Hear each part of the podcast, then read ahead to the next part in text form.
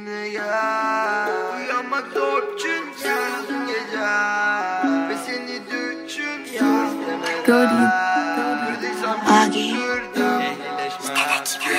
Hayır benim Benimle gel Uyanmak zor çünkü uzun gecem. Ve seni düşündüm istemeden. Kırdıysam ki kırdım ehlileşmem. Gerek Hayır benim mührüm bu Yakaladım başarıyı Aşkla darılmadım hiç. Tüm sorununuz paraydı neden sarılmadınız? Birbirinizi incitmekten hiç uyutmadınız. Lan uyutmadınız.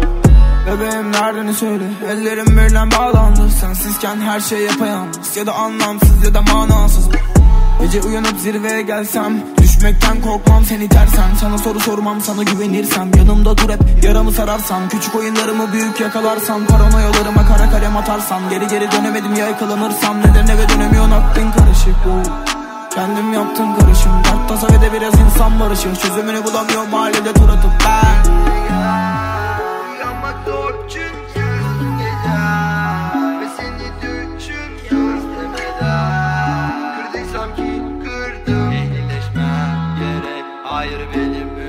Benimle gel. Uyanmak zor çünkü uzun gecem Ve seni düşündüm istemeden. Kırdıysam ki kırdım ehlileşmem gerek. Hayır benim mührüm bu.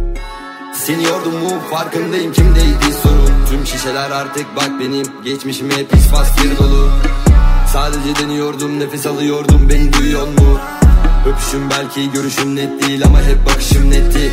Bu pislik beni içine hapsetti. Ben de parasını alıp gasp ettim. Öyle değil böyle oynanır. Yalan ettim üstüne mahvettim. Delinin tekiyle oyun olmaz. Beni konduramam tek nokta. O kadar sahibim kontak. Çözülür her işim. O an. Uyanmak zor çünkü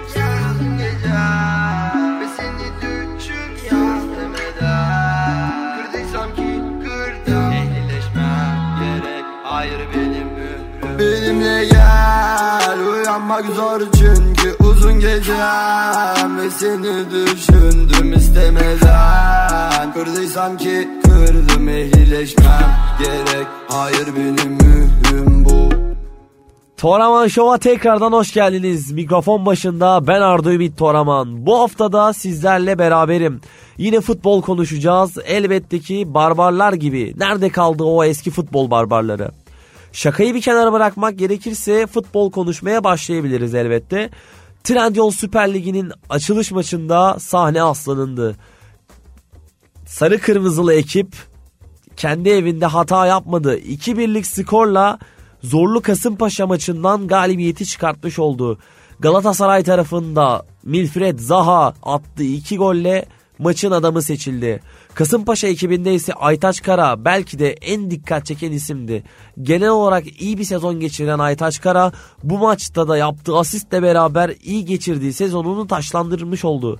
Sarı, kıl, sarı kırmızılı cephede maç içerisinde Muslera sakatlık geçirdi ve yerini Günay Güvenç'e bıraktı. Şimdi de gelelim haftanın en önemli maçına. Bütün ülkenin gözü bu maçtaydı. Fenerbahçe kendi evinde sezonun ilk mağlubiyetini tatmış oldu. Bu maç üzerinde elbette ki uzun uzun konuşmamız gerekiyor. Çünkü dediğim gibi bütün ülkenin gözü bu maçtaydı ve insanlar pür dikkat bu maçı takip etmiş oldu. Hem üst tarafı hem orta sıraları ilgilendirdiği için Türkiye'nin gözü bu maçtaydı. Taraftar öncelikle şundan bahsetmem gerekiyor. Fenerbahçe taraftarı inanılmaz bir atmosfer gerçekleştirdi. İnanılmaz koreografiyle maç başladı. Maç boyunca susmayan taraftar elbette ki onları tebrik etmek gerekiyor. 3-0 gerideyken bile Fenerbahçe taraftarı hiç susmadı ve taraftar olarak görevini yerine getirdi. Tekrardan tebrik etmek gerektiğini söylemek gerekiyor. Maça dönmemiz gerekirse 10. dakikada Jadon Osterwolde kaçırdığı ve yaptığı savunma hatasıyla beraber Onaçu bu hatayı affetmedi ve pahalıya patladı. Belki de Fenerbahçe için her şey. İlk yarı bence ortadaydı. Orta saha Fenerbahçe'de yok gibi bir şey diyebiliriz. Fred'in yokluğunun Fenerbahçe orta sahası çok aradı. İsmail Yüksek, Mia Zeiss bence sezonun en kötü maçını geçirmiş olabilir. Hani normalde böyle bir ilk 30 dakikadan bahsetmem gerekirse ilk 30 dakika beklemiyordum. Çünkü tamamen oynanılan uzun toplar Trabzonspor orta sahasının kontrolü altındaydı. Beklediğimden daha kötü bir ilk 30 dakika ilk yarı geçirmiş oldu Fenerbahçe. Tabi 1-0 geride olmanın yaşattığı zorluklarla ikinci yarıya çıktılar ve soyunma odasına gittiler elbette ilk yarıdan sonra. İkinci yarıya da Trabzon gene hızlı başladı ve Fenerbahçe'nin üst üste yaptığı savunma hatalarını affetmedi. Samet Akaydın, Osterwolde ikilisi, stoper ikilisiydi. Geçen hafta programda bahsettiğim gibi. Doğru bir tahminde bulunmuşum. Stoper ikilisinde Osterwolde ve Samet Akaydın'ı gördük tabii ki. Eksiklerden kaynaklı Fenerbahçe tarafında. Fakat beklediğimden fazla kötülerdi. Yani böyle demek ne kadar doğru bilmiyorum ama bu maç üzerinde etkisiz kaldılar ve yenilen bütün gollerde de neredeyse Livakovic ile beraber payları bulunuyor.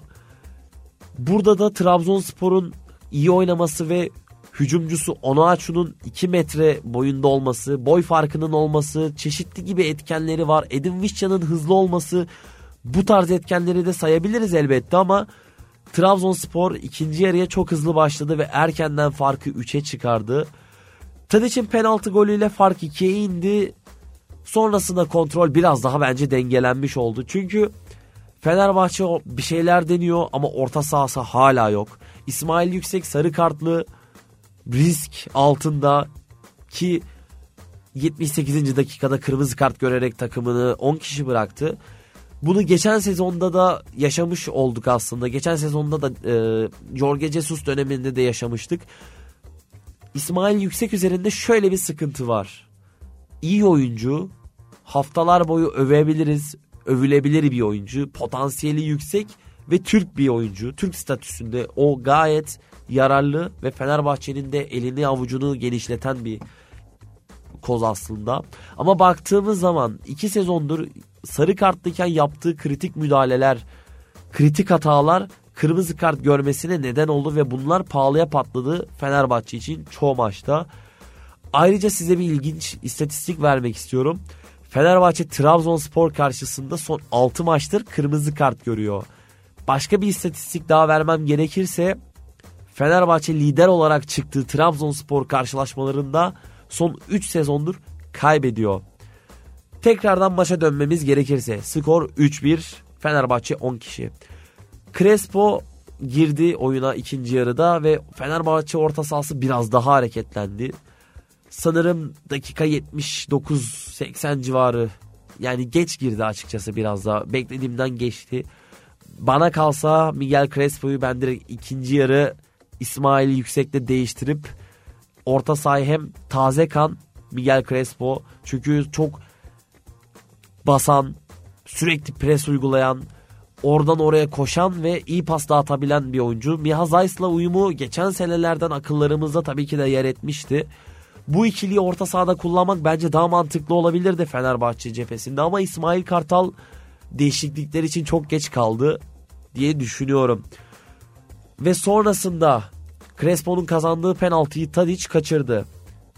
Neyse ki Fenerbahçe cephesi için olumlu haber geldi ve var vardan gelen uyarıdan sonra penaltı tekrarlandı. Apaçık bir şekilde Trabzonsporlu oyuncuların penaltı vurulmadan ceza sahasına girdiği gözüküyor zaten. Orası net. Ve Tadic tekrar kullandığı penaltıda hata yapmadı. Enis Destan'ın uzatmalarda attığı gol iptal edildi Vardan gelen izle uyarısıyla beraber. Uğurcan Çakır 90 artı 8'de sarı kart gördü zaman geçirmekten kaynaklı. Bence buna da özellikle değinmek istiyorum bu arada. Uğurcan Çakır çok geç bir sarı kart gördü. 1-0 öne geçtikleri andan itibaren hatta 0-0 iken bile her türlü pozisyonda out vesaire çok zamanı oynadı, vakit geçirmeye çalıştı. Bence erken kartla cezalandırılabilirdi. En azından ikinci yarının başlarında yaptığı hareketlerle. Son düdük çaldığındaysa bordo mavili tarafta adeta bir bayram havası vardı. Abdullah Avcı yönetiminde önemli bir maçta Fenerbahçe deplasmanında Kadıköy'de 3 puanı çıkartmayı başardılar ve iyi, elbette ki iyi oynayarak çıkardılar bu 3 puanı Bordo Mavili ekip. Genel olarak söylemem gerekirse Fenerbahçe cephesinde Osterwolde, Samet Akaydın ve Livakovic bence maçın en kötü isimleriydi. Trabzonspor cephesine dönmemiz tekrardan gerekirse Onaçu Fenerbahçe savunmasına Samet Akaydın ve Osterwolde'ye Livakovic'e çok zor anlar yaşattı ve belki de hani baktığımız zaman direkt bu üç ismin kötü gözükmesinin en büyük nedenlerinden biriydi. Edin Visca kanatta hızını kullandı, etkili asist yaptı, etkili oynadı tabii ki. Ve maçta da birçok tartışmalı pozisyon vardı. Bu her hafta, her maçta, her büyük takımın maçında hatta küçük Anadolu takımı yani küçük demeyelim. Küçük demeyelim de Anadolu takımlarının maçlarında bile yaşanan klasik Türkiye futbolu tartışmaları diyebiliriz. Son olarak da bahsetmem gerekirse geçen sezon ve hatta bu sezon başında Altay'ın Fenerbahçe'den istenmemesi, Fenerbahçe'den yollanmasının en büyük sebeplerinden biri olarak gözüken bu şakayla biraz şimdi e, tabir etmem gerekirse kaleye gelen her isabetli şutu gol yiyerek savuşturmayı bu sezon biraz Livakovic'te de hissettim. Özellikle bu maç üzerinde. Bence çok etkisizdi. Yani Livakovic geldiği günden itibaren yakaladığı hype, insanların övgüsü çok üst düzeydeydi ve Dünya Kupası'nda yaptığı işleri Hırvatistan'la beraber biliyoruz. Hani bunları biliyorken, bunları biliyorken bu şekilde bir performans göstermesi de benim içimi acıtıyor açıkçası. Bakalım gelecek haftalarda, gelecek maçlarda iki ekip neler yapacak. Şimdi de gelelim haftanın bence en önemli ve en tatlı, en gollü maçlarından diğerine. Antalya Spor evinde Kara Kartal'ı ağırladı. Beşiktaş birinci yarıyı Cenk Tosun'un golüyle 1-0 önde kapattı ve bence nispeten daha iyi bir ilk yarı geçirdi Beşiktaş. Fakat soyunma odasından döndükten sonra Nuri Şahin'in oyuncuları her şeyi tersine döndürdü diyebilirim. İkinci yarı biraz daha dengeliydi ve Antalya Spor istediği oyunu sahaya aktarabildi. 46, 50 ve 57. dakikalarda gelen gollerle Antalya Spor skoru bir anda 3-1'e getirdi. Muleka skoru 3-2'ye getirse de tekrardan Beşiktaş cephesinde bu Muleka'nın golü de yetmedi açıkçası. Hatta 85. dakikada Antalya Spor'un bir golü de Vardan offside gerekçesiyle geri döndü. E bu maçta dediğim gibi beklediğim ve düşündüğüm gerçekleşti. Karşılıklı gollere sahne oldu. Maç sonucunun Antalya Spor cephesi için iyi bitmesi yani kazanmaları çok beklediğim bir şey miydi? Tartışılabilir çünkü Beşiktaş'ta da dalgalanan ve çalkantılı bir dönem geçiyor. Şenol Güneş'ten sonra Burak Yılmaz yönetiminde eksikleri de vardı açıkçası. Abu Bakar bence bu maçta en büyük eksikliklerden biriydi. Cenk Tosun golünü atmış olabilir. Fakat eksikliğini Abu Bakar'ın her zaman hissedebilir Beşiktaş cephesi. Çünkü Abu Bakar bence ligin en iyi santraforlarından biri. Hatta direkt tabii ki yazabilirim. Birinci değişir. Icardi Edin Dzeko tartışması elbette yaşanacaktır. Ama Abu Bakar bence onların içinden de en iyisi denilebilir. Şimdi de sırada müzik vakti. Sizleri bu haftanın müzikleriyle baş başa bırakıyorum ve tekrar döndüğümüzde de rotamızı Asya'ya çeviriyoruz. Kirli aynalar ben hala ben ama Zora zorlukla can ve ruh yan yana. Oyuncak duygular der yeter mi ama Dertlerden kale yaptım geceyle yan yana. Kirli aynalar ben hala ben ama Zora zorlukla can ve ruh yan yana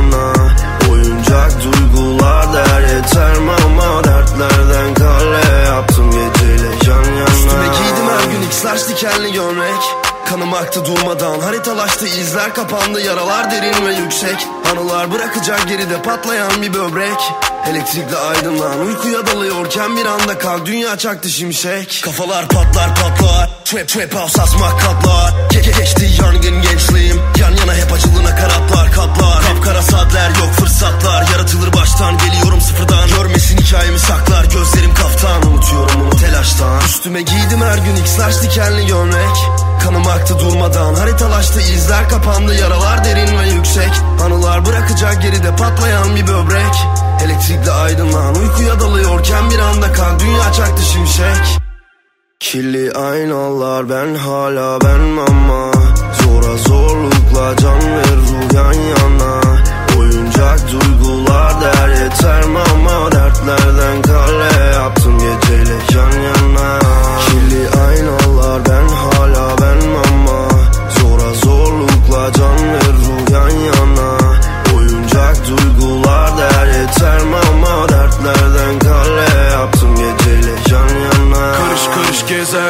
şehrin üstünü altına Getirmeye yet yetmediğinde sözlerimiz darmadan Etti gözlerimi kör bu manzara Gelecek parlak yarıştırırım karat elmaslarla Çocuk oyuncağı gibi günü kurtarmak Hissetmek zor ait şehir haddinden yabani. Bu duygularıma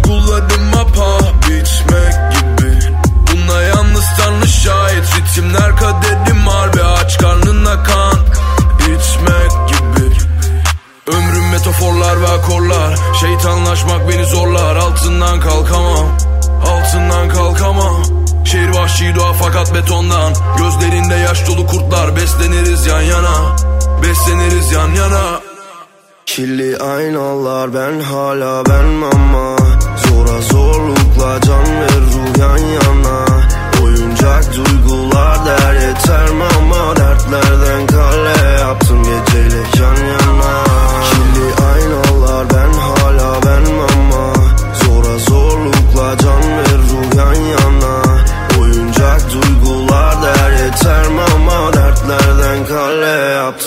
geceyle yan yana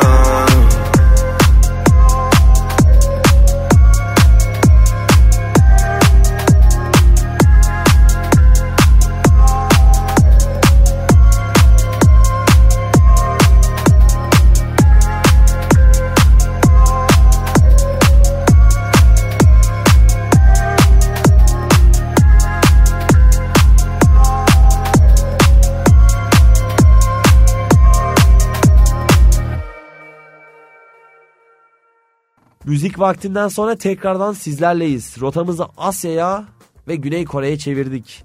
Şampiyona playoffları ve düşme grubu maçları devam ediyor. Güney Kore cephesinde lider Ulsan Hyundai evinde takılmadı ve 2-0'lık net bir skorla galibiyete ulaştı bu maçta. İstatistiklerde ve kağıt üzerinde baştan aşağı favori Ulsan Hyundai'ydi tabii ki. İlk yarı hani benim beklemediğim bir şekilde 0-0 bitti. Neredeyse kaleyi bulan şut yoktu. Hani Ulsan Hyundai'nin ilk yarı gol bulması bence en büyük muhtemel senaryolardan biriydi. Bunun yaşanmaması beni biraz üzdü açıkçası. İkinci yarıda Daiju sahadan silindi ve Ulsan Hyundai'nin büyük baskısının hezimetine uğradılar. İkinci sırada bulunan Pohang Jeonbuk deplasmandansa beraberlikle ayrıldı. Karşılıklı penaltı gollerini izledik. Bu maçta 1-0 Jeonbuk öndeydi aslında. Ve skoru da korumayı başaramadılar maalesef ki. Şampiyona playofflarında Güney Kore'de zorlu ve Ulsan Hyundai'nin üstünlüğü sürüyor. Yanılmıyorsam 10 puanlık bir fark var. Pohang Jeonbuk karşısında. Beklediğim gibi mi yani Ulsan Hyundai'nin sezon başında elbette ki iyi işler yapacağını biliyordum ama bu kadar puan farkını erkenden açacaklarını tahmin etmiyordum. Yani birazdan son haftalara kalacağını düşünüyordum açıkçası Güney Kore'de şampiyonluk yarışının. Geldik Levain Cup finaline. Bu maç haftanın Asya cephesi için en kritik kupa maçıydı. En kritik maçlarından biriydi. Fukuoka Fukuoka Uravaret karşı, karşısına geldi. Fukuoka tarih yazdı. Gerçekten tarihlerinde bir ilke imza attılar. Ve ilk yarıda bulduğu iki gol Fukuoka'nın şampiyon olmasına yetti. Topun kontrolü genel olarak Uravaret'teydi kağıt üzerinde ve baktığımız istatistiklerde. Fakat gol yollarında çok tıkandı Uravaret. O Fukuoka'nın geçen hafta bahsettiğim iki takımın da kilitleri var. Defans hattının kilidini açan kazanacak sorumun cevabı Fukuoka'ydı. Fukuoka Uravaret'in kilidini ilk yarıdan açtı fakat Uravaret Fukuoka'nın defansının kilidini bir türlü çözemedi. Boşluk vermedi Fukuoka cephesi ve iyi savunmasını sürdürdü tabii ki. Uravaret kilitleri kıramamasından da kaynaklı ikinci yarıda bulduğu bir gol kazanmalarına şampiyonluk yolunda yetmediler. Ben açıkçası geçen haftanın geçen haftanın programında Fukuoka'ya saygı duymamız gerektiğini, saygı duyulması gereken bir takım olduğunu belirtmiştim. Hani buna tabii ki de ne kadar e, saygı gösteren, ne kadar ciddi alan oldu bilmiyorum ama hani bence Fukuoka dediğim gibi sezonun hem lig hem kupa müsabakaları için flash takımıydı. Hiç kimse Fukuoka'dan bunu beklemiyordu. Açıkçası sezon başladığında ben bile bunu beklemiyordum. Geldik Asya Şampiyonası'na tekrardan. Yokohama F Marinos deplasmanda son dakikalarda kazandı. Filipinler takımı olan Kaya FC ile karşılaştılar Yokohama F Marinos ve bu deplasmanda ilk yarısı 1-1 bitti. Ben ilk yarısının 1-1 biteceğini açıkçası hiç düşünmüyordum. İlk yarı 2 gol olur kafasındaydım. Çünkü Urawa e, pardon. Çünkü bu maçta da dediğim gibi büyük favori Yokohama F Marinos'tu. Hani Kaya FC'nin gol bulması beklemediğim bir senaryoydu. Tabii ki e, Yokohama F Marinos cephesinde de rotasyonlar vardı. Çünkü zorlu bir lig müsabakaları bekliyor. Ona da birazdan değineceğiz. Hafta önümüzdeki maç programını anlatırken. Ama hani dediğim gibi özellikle ilk yarının ilk yarıdan iki takımın da gol atması benim beklemediğim bir senaryoydu. Neyse ki son dakikalarda 87. dakikada Jan, Mate, Jan Mateus attığı golle takımını 3 puanı ulaştırdı ve liderlik koltuğunu Yokohama F Marinos aldı. Gelelim bir diğer Japon takımı Kawasaki Frontale'nin Asya Şampiyonası maçına. Lider Kawasaki Frontale hata yapmadı ve namalup serüvenine devam ediyor Asya Şampiyonası'nda. 4-2'lik bir performansla, 4-2'lik bir sonuçla kazandılar. İlk yarı 2 penaltı golü buldu Kawasaki Frontale ve soyunma odasına 2-2'lik eşitlikle gittiler. Bu maçtan da açıkçası 2-2'lik bir skor ilk yarı beklemiyordum açıkçası. Söylemem gerekirse. Ama neyse ki ikinci yarı bizden çok şey aldı. Çok şey götürdü. Hani belirli bir yere kadar ya acaba Kawasaki Frontale bu maçı kazan, kazanamayacak mı diye bir düşünmedim değil açıkçası. Tabii ki de konuk ekibin kırmızı kart görmesi de Kawasaki Frontale'nin kazanmasında büyük bir etkendi. Çünkü 10 kişiyle beraber savunma yapmak elbette ki en zor şeylerden biriydi aslında. 68. dakikada öne geçen Kawasaki Frontale bu sefer hata yapmadı ve Ulsan Hyundai'nin kaybettiği yani Asya Şampiyonası'nda kaybettiği haftada kayıpsız geçtiler. Namalup bir şekilde liderlik koltuğuna oturdular. Gelelim bir diğer Japonya Ligi ekiplerinden Ventforet Kofu. Ventforet Kofu ise ikincilik ekiplerinden bir tanesi. Yanılmıyorsam e, geçen sezon kupa macerasında mutlu sona ulaşmışlardı ve Asya Şampiyonası'na çıkmışlardı. 4-1 kazandılar ve bence bir ikincilik ekibinden beklemediğimiz bir şeydi. Şu anda da baktığımızda ikincilikteki sıralamaları 6. sıradalar ve inişli çıkışlı sürekli gitgelli maçlar yaşıyorlar. Beraberlikler, mağlubiyetler havalarda uçuşuyor Wentforet Kafu karşısında. Aslında favori bence yoktu ortada bir favori yoktu bu maçta. Çünkü Çin Ligi'nin iddialı ekiplerinden Zhejiang karşısında oynadılar. Yani Çin Ligi de baktığımız zaman da hafife alınmayacak bir lig. Tamam e, iki sezondur, iki üç sezondur Japon futbolunun ve Japonya Ligi'nin bir himayesi var Asya futbolunda. Şu anda Arabistan ligi takımları, Arabistan futbolu da yaptığı transferlerle beraber göz bebeği bence dünyada ama baktığımız zaman Japonya'nın kendine has bir futbol geleneği var ve bu geleneği de koruyan ve bayrak bayrağı en önde taşıyanlardan biri ise Japon futbolcular ve Japon teknik ekip.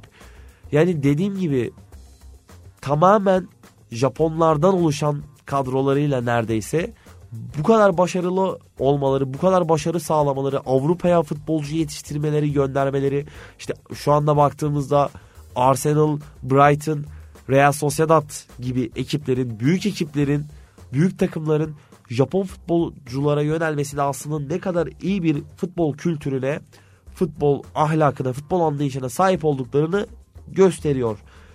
Gelelim Uravare'de. Uravaret şampiyonluğu kaybetti ve Asya şampiyonasında da eli boş döndüler.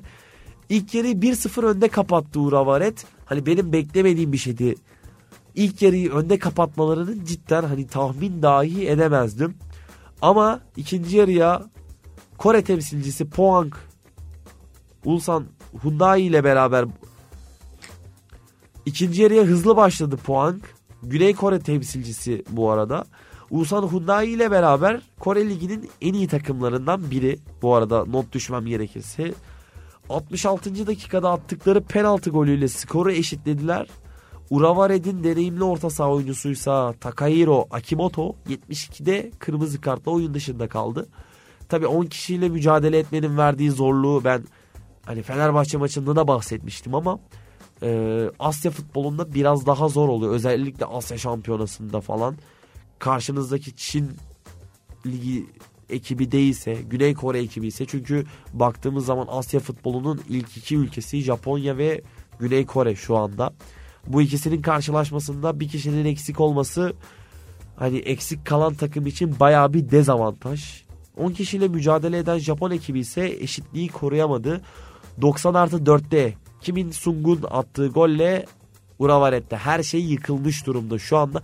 Bu hafta da önemli bir maça çıkacaklar. Şampiyonluğun belki de kaderini belirleyecekler. O maçtan bir sürpriz yapmalarını bekliyorum açıkçası. Çünkü şampiyonluğun son haftaya kalması muhtemel diye düşünüyorum. Tabi bunu önümüzdeki haftanın maç programını anlatırken, önümüzdeki maçları anlatırken sizlere söylediğim gibi tekrardan üzerinde değineceğiz. Asya'yı bitirdiğimize göre tekrardan müzik vaktiyle buluşturabiliriz. Müzik vaktiyle buluşturabiliriz sizi. Kafalarımızı bir yenileyelim. Aradan sonra gelecek haftanın programını sizlere anlatıp birazcık bahsetmek istiyorum. Gelecek haftada, gelecek maçlarda, yarın ve pazar günü neler yaşanacak, neler, hangi maçlar, hangi ligde, nerede ne maçı var birazcık onlardan bahsetmek istiyorum. Tabii ki de dediğim gibi Asya ve Türkiye Ligi'nden bahsedeceğiz birazcık. Şimdi sizleri müziklerle baş başa bırakıyoruz. Go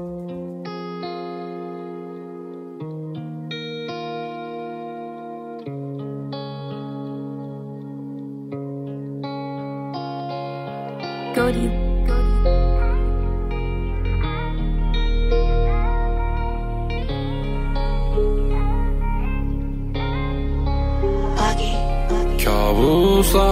kodes gibi sardı dört yanımı durma. Peşinden koş belirsiz yarının korkma. Beraber her zaman başarırız tutma. Beni yavaşlamaktan çok sıkıldım. Arabanın arka camından parlayan İstanbul manzarasına daldım. Aynalara baktığım zaman aynı ışığı göremediğim için biraz aldım Yeteri kadar sustum şimdi nakaratta bağırıyorum. Bunu görsü gören kalbimi aldım. Gene kimseye bakamaz kusura Kızında ayarma birinci öncelik. Para yapmak asla şans değil. Hangi geç değil? Sensiz benim. Halim kalmadı buna güç dedim. Ruhum gibi yorgun biri. Olabilmek benim için güç değil Kaçma benden sar yaralarımı Düşünmekten dizlerim karıncalanır Tik tak saç oluyor Zamanım yok bunu sen de biliyorsun. En güzel şeyler yarım kalıyor. Hızlı hayatlar bunu ben seçemiyorum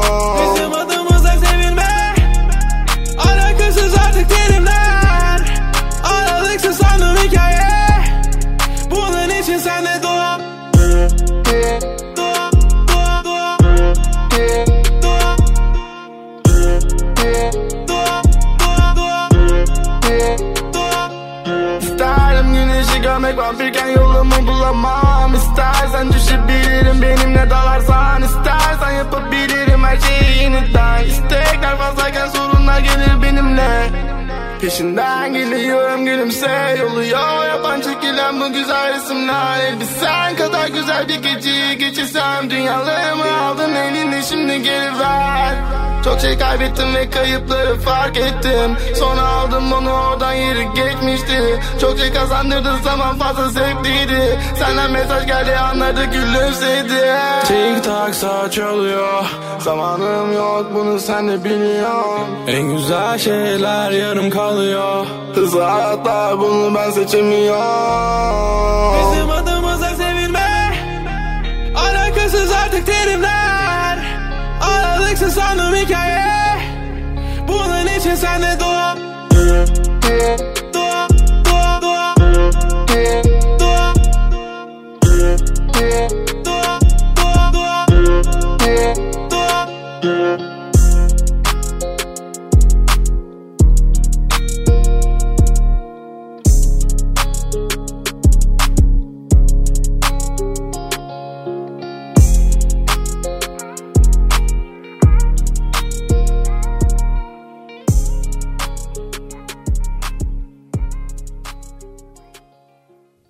Müzik vaktinden sonra tekrardan birlikteyiz. Japonya Ligi'ne bakalım. Bu haftanın programında biraz sert geçecek gibi. Çünkü şampiyonluk yarışı sürüyor.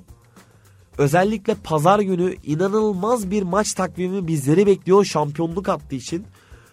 Başlayalım cumartesi gününün programından. Yarın yani cumartesi günü bizleri hangi maçlar bekliyor?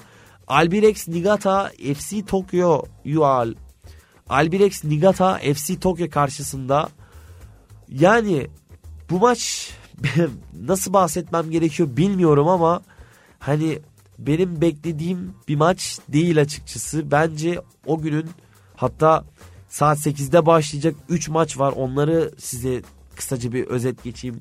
Albirex Niigata FC Tokyo Sapporo Hiroşima'yı ağırlayacak. Shannon Belmare Nagoya'yı ağırlayacak. Bu karşılaşmalar yarın Türkiye saatiyle sabah 08'de başlayacak. Bu maçlara gelmem gerekirse Nigata son 5 maçta 3 galibiyet 2 beraberlik aldı. 10. sırada bulunuyorlar. FC Tokyo devre arası gibi bir süreçti. Antrenörlük, antrenör değişikliğine gitmişti. Hani bence sezon içinde en yüksek beklentiye sahip takımlardan biriydi. Nakagawa'ya Nakagawa transferi Yokohama F. Marinos'tan yapılabilecek en iyi transferlerden biriydi. Şu an son 5 maçına da baktığımızda 2 galibiyet 3 mağlubiyetleri var. 11. sıradalar. Hani birbirine denk iki takım aslında. Hani bu maçtan beklentim benim bol, bol gol.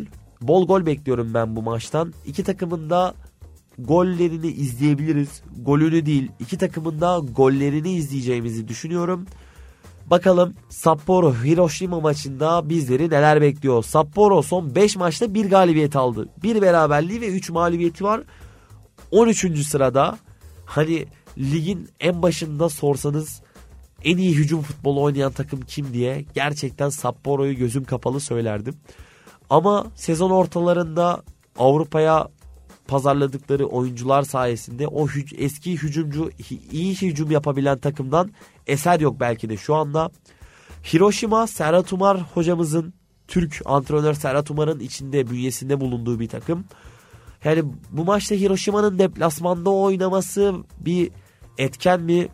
Bence değil ama bu maçta da Hiroşima kazanır güveni vermediğinden kaynaklı iki takımın da karşılıklı gol bulmasını muhtemel gözüyle bakıyorum.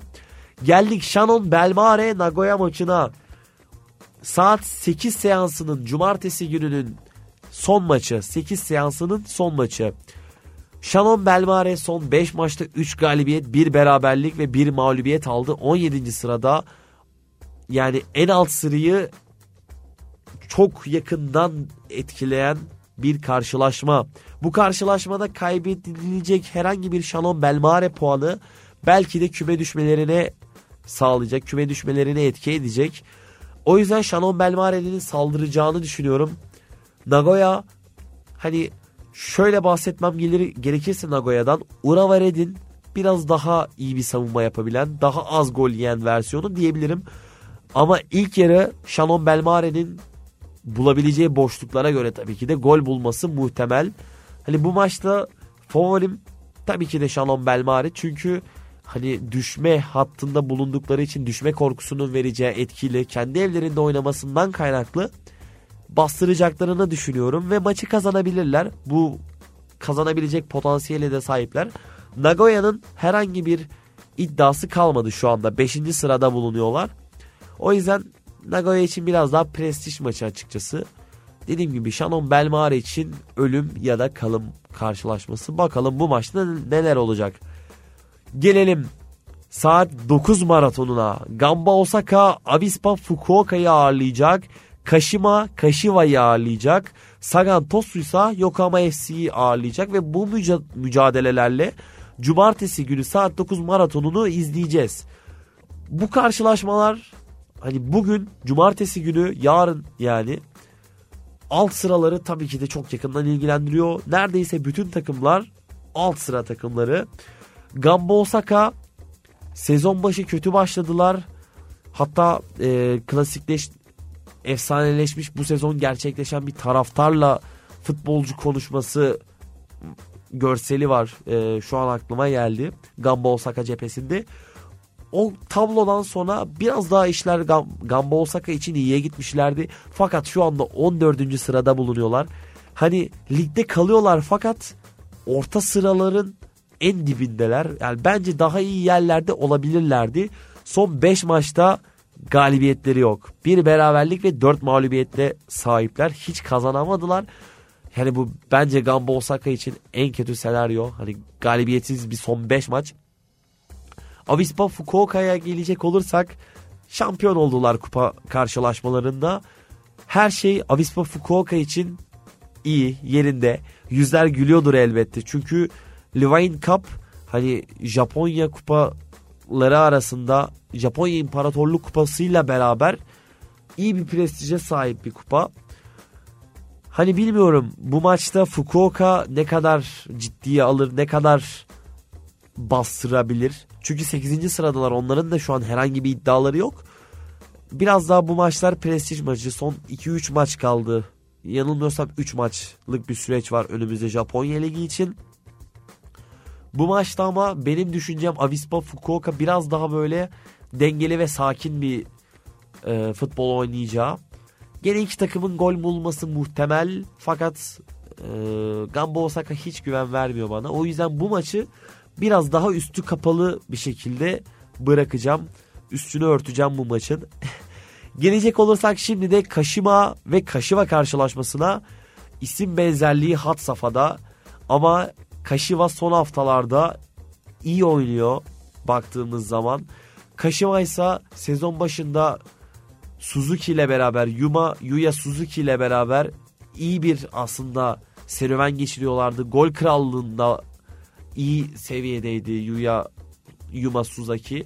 Fakat şimdiye geldiğimizde son haftalarda iyi bir karnesi yok. Son 5 maçta bir galibiyet, 2 beraberlik, 2 mağlubiyeti var Kaşima'nın. Yani bu maçta da tabi Kaşiva, cephe, Kaşiva cephesinde önemli bir maç. 16. sırada yer alıyor. Yer 16. sırada yer alıyorlar. Hani düşme hattının en kritik maçlarından bir tanesi daha bu. Bu maçta karşılıklı gol var. Bekliyorum. İki takımın da gol atması muhtemel.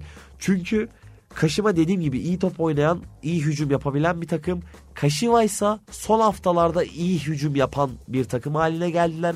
Bu alışkanlığı daha yeni kazandılar maalesef ki. Geldik cumartesi gününün son maçına. Sagan Tosu Yokohama FC'yi ağırlayacak. Yokohama FC de 18. sırada gerçekten dibinde dibinde artık. Sagan Tosu'yu bildiğiniz üzere çok gol atan, çok gol yiyen takımlardan bir tanesi. Daha Japonya Ligi bol gollü geçen bir ligdir. Hani golsüz maç geçtiğinde 1-0, 1-1'lik ya da 2-0'lık maçlar geçtiğinde ben çok şaşırıyorum açıkçası. Bu maçta Yokohama FC tabii ki de bastıracaktır ve gol atmak isteyecektir. Sagan Tosu 12. sırada bu maçı bırakmayacağını düşünüyorum. Kendi evinde yanılmıyorsam son ev sahibi olarak çıkacakları maçlar. Bırakacaklarını düşünmüyorum ama Sagan Tosu'nun kazanması büyük ihtimal gerçekleşecek bir senaryo olur.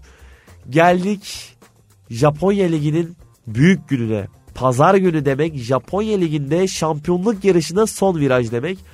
32. haftada büyük maçlar pazar günü saat 8 maratonuyla başlayacak. Kawasaki Frontale Kyoto Sanga'yı ağırlayacak. Asya Şampiyonası'nda da iyi giden Kawasaki Frontale son haftalarda ligde hata yapacağını düşünmüyorum tabii ki. Çünkü bu kritik haftalarda her ne kadar bir şampiyonluk iddiası kalmasa da rotasyon yapmadığı sürece Kawasaki Frontale Asya Şampiyonası'nı düşünüp ki bence rotasyon yapmasına da gerek yok. Şu an namalup bir şekilde liderler ki grupta Ulsan Hyundai gibi çok kaliteli bir Güney Kore takımı bulunuyor. Hani rotasyon yapmaları bence muhtemel arasında değil ama Kyoto Sanga karşısında hata yapmayacaklarını ve maçı kazanacaklarını düşünüyorum. Geldik şampiyonluğun ana iki maçına. Yokohama F Marinos Cerezo Osaka'yı ağırlayacak. Şampiyonluk yolunda kendi evinde Yokohama F Marinos'un kaybetmesini olan dışı görüyorum. Çünkü burada yapılacak herhangi bir puan kaybı bile telafisi olmayacak sonuçlar doğuracak Yokohama F Marinos için. çok kritik bir maç kesinlikle kazanmaları gerekiyor. Asya Şampiyonası maçında rotasyon yaptılar. Bu rotasyon elbette hepimizin bilebileceği ve tahmin edebileceği üzerinde lig şampiyonluğu için yapılmış bir rotasyon. Hani ne kadar ciddiye aldıkları da ligi, lig şampiyonluğunu buradan kestirebiliriz açıkçası. Ve ona rağmen rotasyona rağmen iyi de performans sergiliyor Yokohama F Marinos Asya Şampiyonası'nda. Geldik Vissel Kobe nispeten zorlu Uravaret deplasmanına çıkacaklar. Kötü gidişata sahip olan Uravaret şampiyonluk yarışında son haftalara lider giren Vissel Kobe'yi ağırlayacak. Asya Şampiyonası'ndan da hezimetle ayrılmışlardı hatırlatmam gerekirse. Uravaret'te hayat neredeyse son bulmak üzere. Vissel Kobe son haftalara durgun girdi bence ve bu maçta iki takımın da gol atmasını muhtemel görüyorum. Uravaret puan çıkartabilir bu maçta çünkü onlar için biraz daha bu kötü gidişata artık dur demek. Bu maç Vissel Kobe deplasmanın e, Vissel Kobe'yi ağırlayacaklar. Hani bu maçta artık bir dur derlerse belki de Yokohama F Marinos'a şampiyonluğu bile hediye etmiş olabilirler. Geldik Türkiye Ligi'ne topraklarımıza döndük tekrardan. Yarın saat 7'de Hatay Spor Galatasaray'ı konuk edecek. Bu hafta lider başlıyor Galatasaray. Bence önemli bir detay bu. Fenerbahçe liderliği kaptırdı. Sarı kırmızılı ekip zorlu deplasmanda kazanabilecek mi? Bu büyük bir soru işareti bence. Hatay Spor'da işler bence iyi gitmiyor ve son haftalarda çok büyük soru işaretleri var kafalarda. Galatasaray'da Endombele sakat. Muslera Şampiyonlar Ligi karşılaşmasında oynadı fakat hani bence lig maçı biraz daha soru işareti olabilir. Çünkü Şampiyonlar Ligi'nin ciddiyetiyle e, lig maçının ciddiyeti ne kadar aynı tartıda olur bilmiyorum. Ama Muslera'yı varmış gibi kabul etmek şu an daha iyisi olur bence. Hatay Spor'da ise Joelson Fernandez kırmızı kart cezalısı. Volkan Demirel önderliğinde Hatay Spor bu maçtan puan çıkartabileceğini düşünüyorum.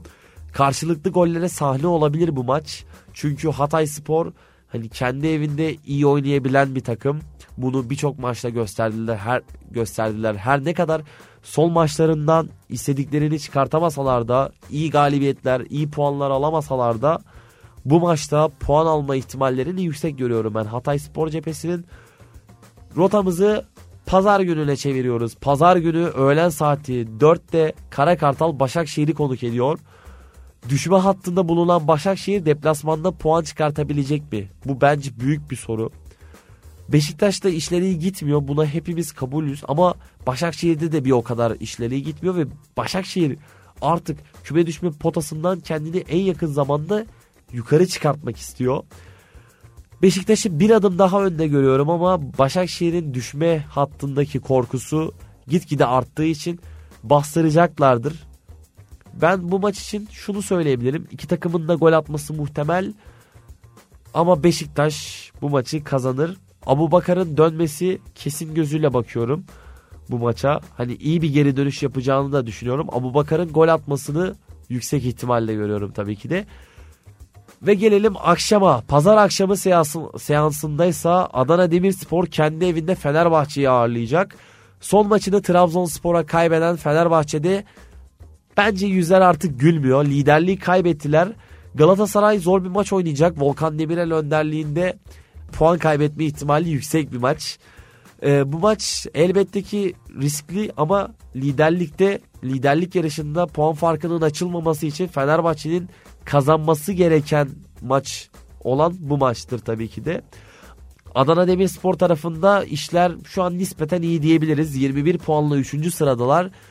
Adana Demirspor kaçıyor, Trabzonspor kovalıyor. Hani Adana Demirspor bu maçı kazanabilir ama bol riskin bol heyecan getireceğini söyleyebilirim bu hafta programında. Özellikle Türkiye Ligi'nde inanılmaz maçlar izleyeceğiz. Benim gözüm elbette ki Asya Liglerinde, Japonya Ligi'nde. Çünkü şampiyonluk yarışı artık son sona erecek neredeyse. Ve Yokohama F Marinos bu yarışa geriden geliyor. Hani puan farkı 6 idi bir anda 2'ye düştü. İnanılmaz kaotik bir hafta bizleri bekliyor. Hem Türkiye Ligi için hem Japonya Ligi için. Evet gelelim artık programın sonuna. Toraman Show'daydınız. Radyo Gedik'teydiniz. Şimdiden Önümüzdeki haftanın maçları için keyifli seyirler diliyorum sizlere. Umarım iyi maçlar, yüksek gollü maçlar izleyebiliriz. Bol heyecanlı maçlar izleyebiliriz. Önümüzdeki haftanın programında görüşmek dileğiyle kendinize iyi bakın.